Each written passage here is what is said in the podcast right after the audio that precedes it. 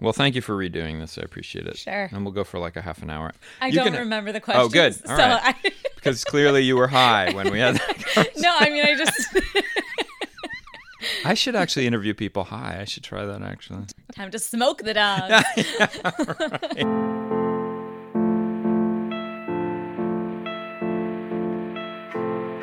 Victorians were fascinated with the human skull by its bumps and its size and shape, but they were also obsessed with the human face.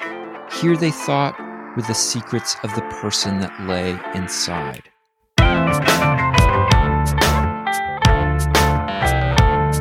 It's time to eat the dogs.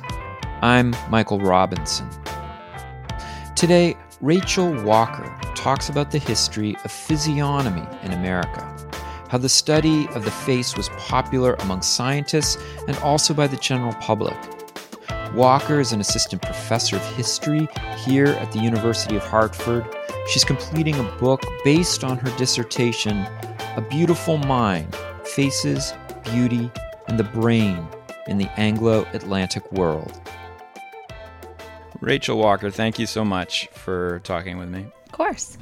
So, I think a lot of people have heard of phrenology, this uh, focus, this interest on the kind of the shape of human skulls, big in the 19th century. Maybe not so much with physiognomy. I was wondering if you could explain what that is. Yeah, so my research focuses on physiognomy, which is essentially this science that says that your moral and mental character is visible in your face. So if you want to figure out how smart or benevolent or generous a person is, or whether or not they'd be a good wife or a criminal or something like that, then you can just analyze their facial beauty and figure it out. The science goes back all the way to the ancient Greeks. So it's not a new science in the Enlightenment era. But in the late 18th century, people begin to really treat it less as more of a kind of mystical art of face reading and more of an actual science, right? So they try and create rules, um, they try and make it more empirical, uh, and they try and argue that there is some sort of mathematical way in which you can determine a person's character um, by measuring certain things on their face. So it's always kind of part math, part just random interpretations, but it really becomes popular beginning in the 1770s um, and carrying out throughout most of the 19th century. You mentioned this uh, Swiss author, Johann Lavater, who writes this treatise, um, Essays on Physiognomy, in that time period, 1772. And that it just seems to be a huge breakout hit, Yeah. strangely. Yeah. Um, 16 German editions and French American editions. Can you talk about that? Yeah, so there's this guy. He's not um, a scientist as we would kind of define the term today. He's actually a reverend, and he's Swiss. And he decides that he's going to take this ancient art of physiognomy that people had kind of long been using to just informally analyze people's faces, and he's going to make it into a science. Um, so he publishes these four volumes, um, which then get translated into French and then into English, um, and they kind of take the world by storm. They become a bestseller. There are people saying like everyone in their house has a Bible, but like the second book that they have is Lavater's Essays on Physiognomy. It's like the Harry Potter of the late 18th century. Yeah, I was thinking about, and this maybe goes to a point you're going to talk about uh, later on, but this idea that this is a kind of science that's not just for gentlemen of science. Mm-hmm. And, and it kind of makes sense in a way because it's the human face. Right. So there are people, not just the scientific community, that are purchasing this book. Oh yeah, no, it's not just a scientific treatise. I mean, so physiognomy is this thing where um, men of science really do kind of take it seriously in some instances, um, but also it is a science that is targeted at the general population. And Lavater and some early physiognomists actually claim that people who don't have a lot of scientific knowledge might actually be better at the science of physiognomy because they don't have all of those, you know, scientific training and this obsession with methodology that men of science have, right? So um, there's this idea that like children are are actually the best physiognomists because they can see something in people's faces that that other people can't see, right? Um, but then there's also this idea that people who are more, uh, who are richer and more powerful and more educated, really those are the best face readers, right? So it's like this bifurcated message that simultaneously makes it appealing to men of science and then also makes it appealing to the broader population. Um, and it's written in a very accessible way. There's no there's not like jargon. It's just um, it's written in this I, this way. He says his one of his major goals is to bridge the divide between science and religion. Um, and so he's like god has implanted in every human breast this ability to look at someone's face and analyze it. So all you have to do is tap into that god-given potential and you too you can be an expert face reader. You write early on in your book that this is not new to the 18th century. People have been fascinated mm-hmm. with the face and what it tells about the soul or the person inside for hundreds of years, and that people also have ideas about what various facial characteristics mean. Does Lavater and other people just kind of adopt that stuff and give it a kind of scientific patina, or are they offering their own ideas about how the face operates? Yeah, so I think the thing about physiognomy that makes it so popular is that it taps into a much older, kind of intrinsically human tendency to just look at people and try and draw conclusions about them. And so Lavater says, Well, I'm going to make this a science. I'm going to make it empirical. I'm going to give you a tried and true method for doing it the right way. But in reality, he doesn't actually give people a methodical system for interpreting people's faces, right? He just, the whole book is just a series of drawings that either he did or had someone else do of random faces. And then he just interprets them. He's like, Ah, of course. like, you can see that in this face, there yeah. is deep wisdom, but also like a mean streak. You know, I mean, those are my my sure. words, but it's not much more scientific than that, right? And so this essentially allows anyone who picks up this book who agrees with that premise that the face does reveal character, right? They're like, "Oh, well the face reveals character." So they read the book and what they get is just this random collection of individualized and idiosyncratic facial readings, right? Um, and so then it gives them the confidence to go out in the world and go forth and be face readers without without actually breaking the rules because there are no rules, right? Like mm. Lavater says that he's providing a system, but he's not providing a system. And so as a result, people can simultaneously um, assume that what they're doing is scientific without actually following any sorts of scientific guideline. One of the faces that seems to be obsessed over in the mm-hmm. late 1700s is George Washington. Yes. Why such a fascination with George Washington's face? Well, I think in the early republic, after the United States has just declared independence from Britain, they're trying to set up a nation. And it's a very real possibility that that nation will fail. Mm. No one has done this before. It was unlikely that they were going to win that war and yet they did. and so now they're they're put into this situation where they have to create a, a new republic and come up with all these new rules, but no one knows if it's going to work, right?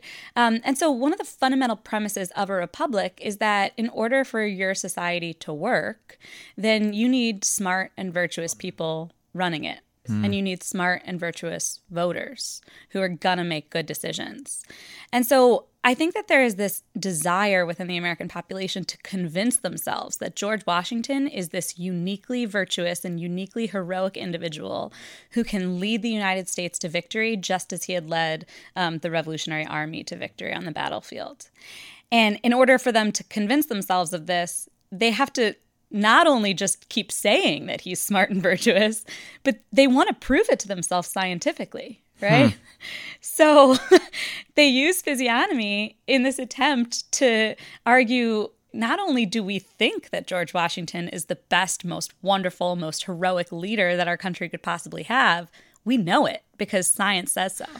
I was wondering as I hear as I was just hearing you say that whether Americans are also plugging into this idea of uh, meritocratic ways of restructuring society, getting away from the heritable orders of, of Europe, where you have all of these essentially a caste system. Mm-hmm. Do you think this plugs into that kind of thing where it's like, well, we're going to create, okay, this is our society. Right. It's going to be different. Yeah, I mean, one of, so one of the things that these revolutionary leaders criticize about Britain is that British society is run by people who have inherited their social position, mm. right? So it's run by this aristocracy of birth. And they say, we don't want an aristocracy of birth. We want an aristocracy of merit. And so if you want an aristocracy of merit, of course this is what they say, right? The people who who end up becoming sure. the leaders are are actually, you know, people who were born into wealth. But if you create this aristocracy of merit, then that leads to another question. So how do you find out who the people are that have the most merit? right? and physiognomy becomes a way to answer that question. It, it's this idea that certain people just have better brains and bodies than other people, and those people are qualified to lead. And so all you have to do is identify those people. And physiognomy provides this way of figuring out who has merit and who doesn't. Now, of course, because physiognomy doesn't have clear methodological rules, people can just decide in their brains who they think has right. merit and then use physiognomy to justify it. And also, it would seem the other danger is it's swapping out one system of heredity for another, right? Right, right. Or, or is it that essentially physiognomy has an environmental component to it?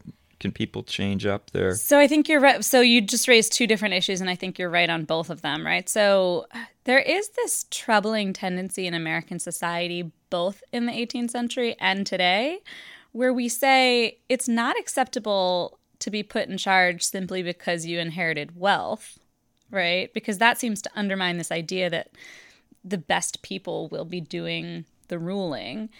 But we do kind of countenance this idea that it is acceptable to put people in charge who have inherited intelligence. Hmm. Um, and I don't think that we've ever really strayed away from that in American history.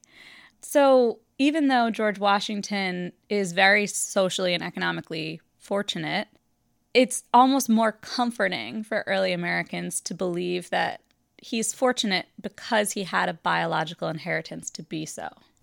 That said, there's also this flexibility in physiognomic doctrine that says that if you work hard, then you can improve your brain.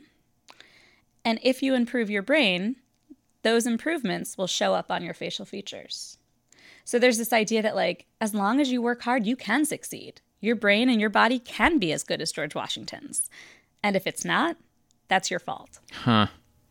Another theme that's very strong in your book is not just this general category of or general interest in physiognomy, but the way that physiognomy comes into vogue at a time when questions about women's participation in broader society, women's rights, are also issues that are being raised after the French Revolution and the American Revolution. Mm-hmm. How do you see those two things fitting together? Yeah, so if you create a meritocratic society, then supposedly the only qualification that you need to be a full citizen is to be smart and virtuous, mm. right? But then you get all of these women who are saying, well, wait a second, I'm smart and virtuous, right? Um, so, how do you justify leaving them out of the political conversation? And the answer seems to be kind of like a subtle one, right? Um, they say, well, perhaps you're smart and virtuous, but your intelligence is different than male intelligence. Women should develop beautiful minds, whereas men should develop powerful minds. Hmm. And that distinct version of intelligence, that's actually visible on your face.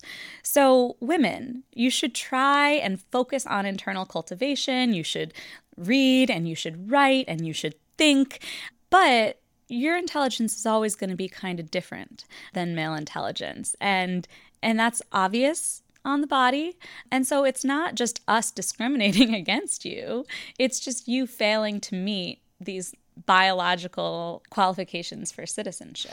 You talk about the American writer Mason Weems, who writes this fictional story about a young woman, uh, Delia D, mm. who, despite her amazing beauty and facial features, he says should really be appreciated for her mind. Uh-huh. So, what do you see as the significance of that? Yeah, so Mason Locke Weems, if your listeners don't know, he is the man who crafts that story about George Washington cutting down the cherry tree.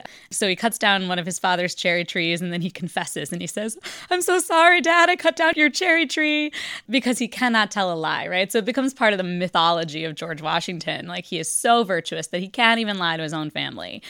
So Mason Locke Weems, in addition to writing about male political leaders, he writes about this kind of abstract Republican woman who is the ideal Republican citizen.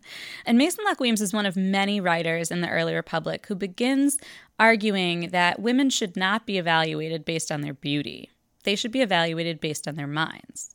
Because if you evaluate people based on their beauty, then you're essentially just evaluating superficial characteristics. Mm. And in a republic, beauty doesn't matter. What really matters is the quality of your character. And so he starts the story by explaining precisely how beautiful Delia D is. He says she has beautiful eyes and beautiful cheekbones, and he goes into the color of her skin and the shape of her forehead. It's very detailed physical description. But then the story takes a turn, and he's like, but just kidding. um, none of that actually matters because what really matters is the fact that Delia is a smart and virtuous woman. Um, so you shouldn't be evaluating people based on external characteristics. You should be looking for those internal characteristics. But also, you can actually see those internal characteristics by evaluating Delia's beauty. Hmm. So it's like this weird circular argument where he starts with the description of the beauty and then pulls a fast one on his readers and tells them that the beauty doesn't matter anyway, but then kind of brings it all back and says, but you know, the beauty does kind of matter because the beauty, that's how, like facial beauty, that's how you tell if someone is intelligence and birth. It's almost like, yes, they're beautiful, but I'm seeing their beauty for the right reasons. Exactly, right? He he posits this alternative myth- methodology for evaluating female beauty. So, are there any traits that are not beautiful that are also prized? So, can a woman look a certain way and be, ah, well, you know, this speaks to her character for X? Mm, so, in physiognomy, I told you earlier that there were no clear rules. It was mm. kind of just a free for all where everyone could create their own rules. But that's not entirely true. So, the one thing that most physiognomists and people who practice physiognomy agree on is that high foreheads indicate intelligence. So, the bigger your forehead, the more intelligent you are. So, this isn't really an issue in the late 18th century, but beginning in the early 19th century, there start to become some social debates about whether or not a high forehead is beautiful in a woman. Hmm. So everyone kind of agrees that a high forehead, it doesn't matter if it's beautiful necessarily, because a high forehead is a physiognomical signifier of intellectual wisdom. But they do begin saying, like, oh, God, women who have those giant exposed foreheads, they're not necessarily pleasing to look at. Um, and so there's this debate between these women who are supposedly trying their hardest to emphasize their intellectual foreheads by kind of pulling their hair away from their foreheads and and not wearing curls on their foreheads, for mm. instance, right? They want to show that they're intellectual women, and people who criticize them for caring more about looking like an intellectual than they care about being pleasing to men.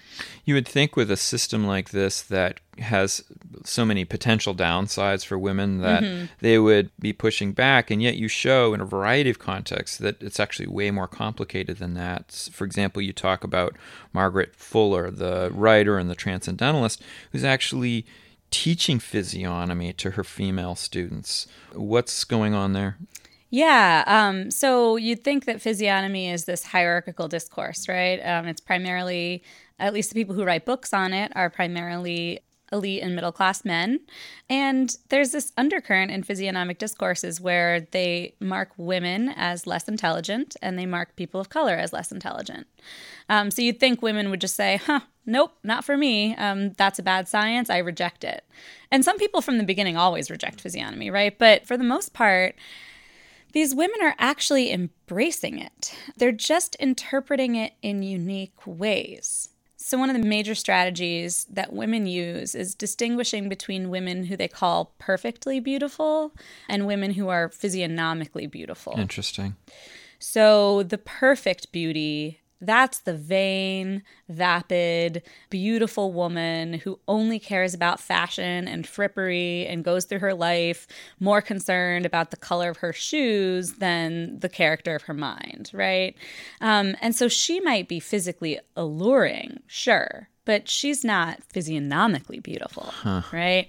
So they say you can tell the difference between a perfectly beautiful woman and a physiognomically beautiful woman. A physiognomically beautiful woman, she'll have a high forehead. She will have deep, dark, intelligent looking eyes. You'll be able to see intelligence beaming from her countenance. And so it's a way of them simultaneously like adhering to this idea that you should analyze women's beauty, mm-hmm. right? Which is quite discriminatory against them.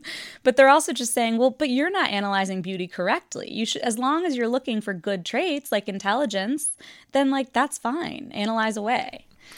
There's uh, also these interesting parallels between the way that women are being evaluated and people of color are being evaluated, mm-hmm. also according to these different benchmarks that put them at a disadvantage. And like Margaret Fuller, you have African Americans, African American intellectuals like Frederick Douglass, who you'd think would be opposed to this, and yet he also uses physiognomic arguments in his uh, writings and his lectures. Can you talk about him? Yeah. So, on the one hand, physiognomy serves as the intellectual scaffolding for scientific racism. And physiognomists repeatedly argue that African Americans are less intelligent and incapable of citizenship because their facial features are inferior to white facial features. Frederick Douglass and other black intellectuals, though, they do the same thing that white, middle class, and elite women are doing. They just say, no, no, no, you're just interpreting physiognomy incorrectly. So, Frederick Douglass actually believes that white Americans have been focusing on the physiognomies of the wrong people of color. and so he says, well, if you only look at a certain group of perfectly selected people who have these supposedly inferior facial characteristics, then sure, you're going to think African Americans are inferior. But look at me. Look how big and broad and wide yeah. and high my yeah. forehead is, mm. right? Look at these other men. Look at all my friends. And so it's this really problematic thing that a lot of black middle class and elite writers do is they say there's actually a class divide within the African American community and as long as you focus on the faces of of the proper uh, or kind of like more supposedly respectable African Americans then you'll be able to see that physiognomy is not a racialized characteristic, but it's a characteristic that's like a valid metric for evaluating human beings. You just have to evaluate the right ones. So that's why Frederick Douglass becomes the most photographed man in the 19th century in America. One of the cool things about your book is that you look at so many different sources. You look at pamphlets, periodicals. You were just mentioning the fact that if you look at portraiture in the 19th century, I know you've looked at a lot of art history for this project. How did you figure out a way to analyze all of these different things? How did you fit them together? Oh man. Uh I don't know. And I don't know if I've done so as successfully as I want yet. um, I think it was just a lot of, you know, so my writing process tends to be collect a lot of material mm. and kind of just pour over it um, and then step back for a bit and before you write. So you collect first? Yeah. I should, so, I should try that. I well, no, I don't think you should actually, because it leads to a slow process. but I'm one of those people, like some people go to the archives and they, you know, they write, they start writing early. And I've always been, I write very quickly once I put my mind to it, but I delay a lot. Uh, but I think it is useful in some ways because it allows you to collect, for instance, like I looked at a lot of letters and diaries. I looked at a lot of like newspapers and magazines and um, and pamphlets that are published. I looked at a lot of early American books and novels. Um, I looked at prison records, right? So like stuff that you would never portraits, right? No, it's incredible what you looked at. Actually, You've yeah. such a so you wouldn't necessarily think to analyze that stuff together, but I also think you can't really re- what I'm trying to do in this project is recreate an unfamiliar cultural and intellectual universe. Hmm. And I don't think you can do that with only one type of source material. You've talked to me about the fact that you situate yourself as an American historian of gender, early republic studies. Mm-hmm. Although this is a project that enters into history of science. And from my perspective, coming from the other side, from history of science, it feels like such a history of science project mm. because the field right now is very much about saying science is not just that stuff that happens in the laboratory or in the Royal Society or whatever. Right, it happens right. out on the street. It happens in all these different contexts. And that's absolutely what you do here, and even to the point where you start taking issues with the terms that people give to this study. For example, you really dislike the term pseudoscience. I do. So, t- talk about that. so, every time I give my writing to a new person, I refer to physiognomy as a science because I think that physiognomy was a science in its particular historical moment. But that new reader almost always crosses out science and writes pseudoscience. And I think that using the term pseudoscience is actually quite problematic because it allows us to retroactively draw divides between the science that worked and the science that didn't. And it allows us to pretend that things that were taken seriously by intellectuals in the past, um, simply because they've been discredited now, they don't matter. And we can kind of like it makes us feel good to look back at something that seems bizarre um, and say, ha ha ha, like we are better than that now. That was never really a science in the first place.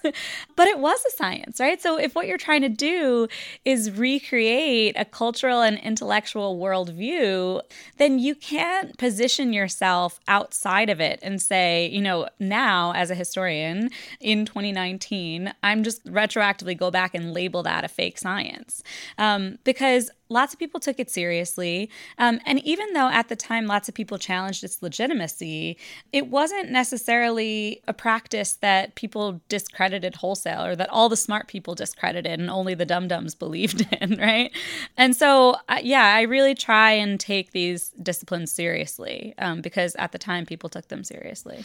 So, as I'm finishing reading your book, I'm checking email and I signed up a year ago for Instagram thinking I would have an Instagram for this podcast, which I haven't done. Okay. But I still get messages from them saying, Why aren't you doing anything on Instagram? Oh, so I click into Instagram and I'm like, Oh my God, this is like this weird 21st century version of your project, which is obsessed with this issue, not of your project, but of, of this kind of obsession with the face. Yeah. And and not just an obsession with the face, but of what we can do to the face in order to have it better represent the person inside. Like there's just massive amounts of stuff associated with these sites about how do you represent your face online.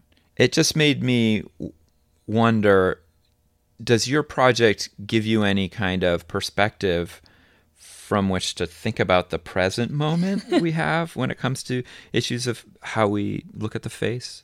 Yeah, you know, it's funny that people are so insistent on referring to physiognomy as a pseudoscience because a lot of it actually still remains in personality research and neuroscience and especially in data science. There's a lot of facial recognition software that's being developed in our modern society, which is scary because in some ways, if it's just like about validating our identities, then we tend to think of it as not problematic at all. But then there's also the possibility, and some people have posited that, oh, perhaps you can tell whether or not someone's a criminal by examining their facial wow. structures, right? Uh, or perhaps you can tell if they are a terrorist, right? Or um, there's been scholarship even on people trying to determine if there's like a fundamental facial difference between Republicans and Democrats, oh right? Wow. The guy that got the most attention recently was arguing that if you put pictures from online dating profiles into a facial recognition software program, then you could determine with pretty good accuracy whether or not that person was gay or straight. Wow. So it hasn't gone away. It's still with us, um, and, and in really kind of scary ways. So I think that honestly, if you forget about this history of physiognomy and you forget all of these unsavory legacies um, of past scientific practice, then you lose a lot of framework by which to critique practices that are currently happening in the modern world. Mm. Rachel Walker, thank you for talking with me. Thank you. That's it for today. The music was composed by Zabrat. Make sure you check out the Time to Eat the Dogs website podcast links and other exploration related stuff. And if you get the chance, please take a minute to rate and review the show wherever you get your podcasts. It really helps make the show visible to new listeners. And if you want to recommend a guest or make a comment, feel free to contact me at time to eat the dogs, that's one word, lowercase, at gmail.com. See you next week.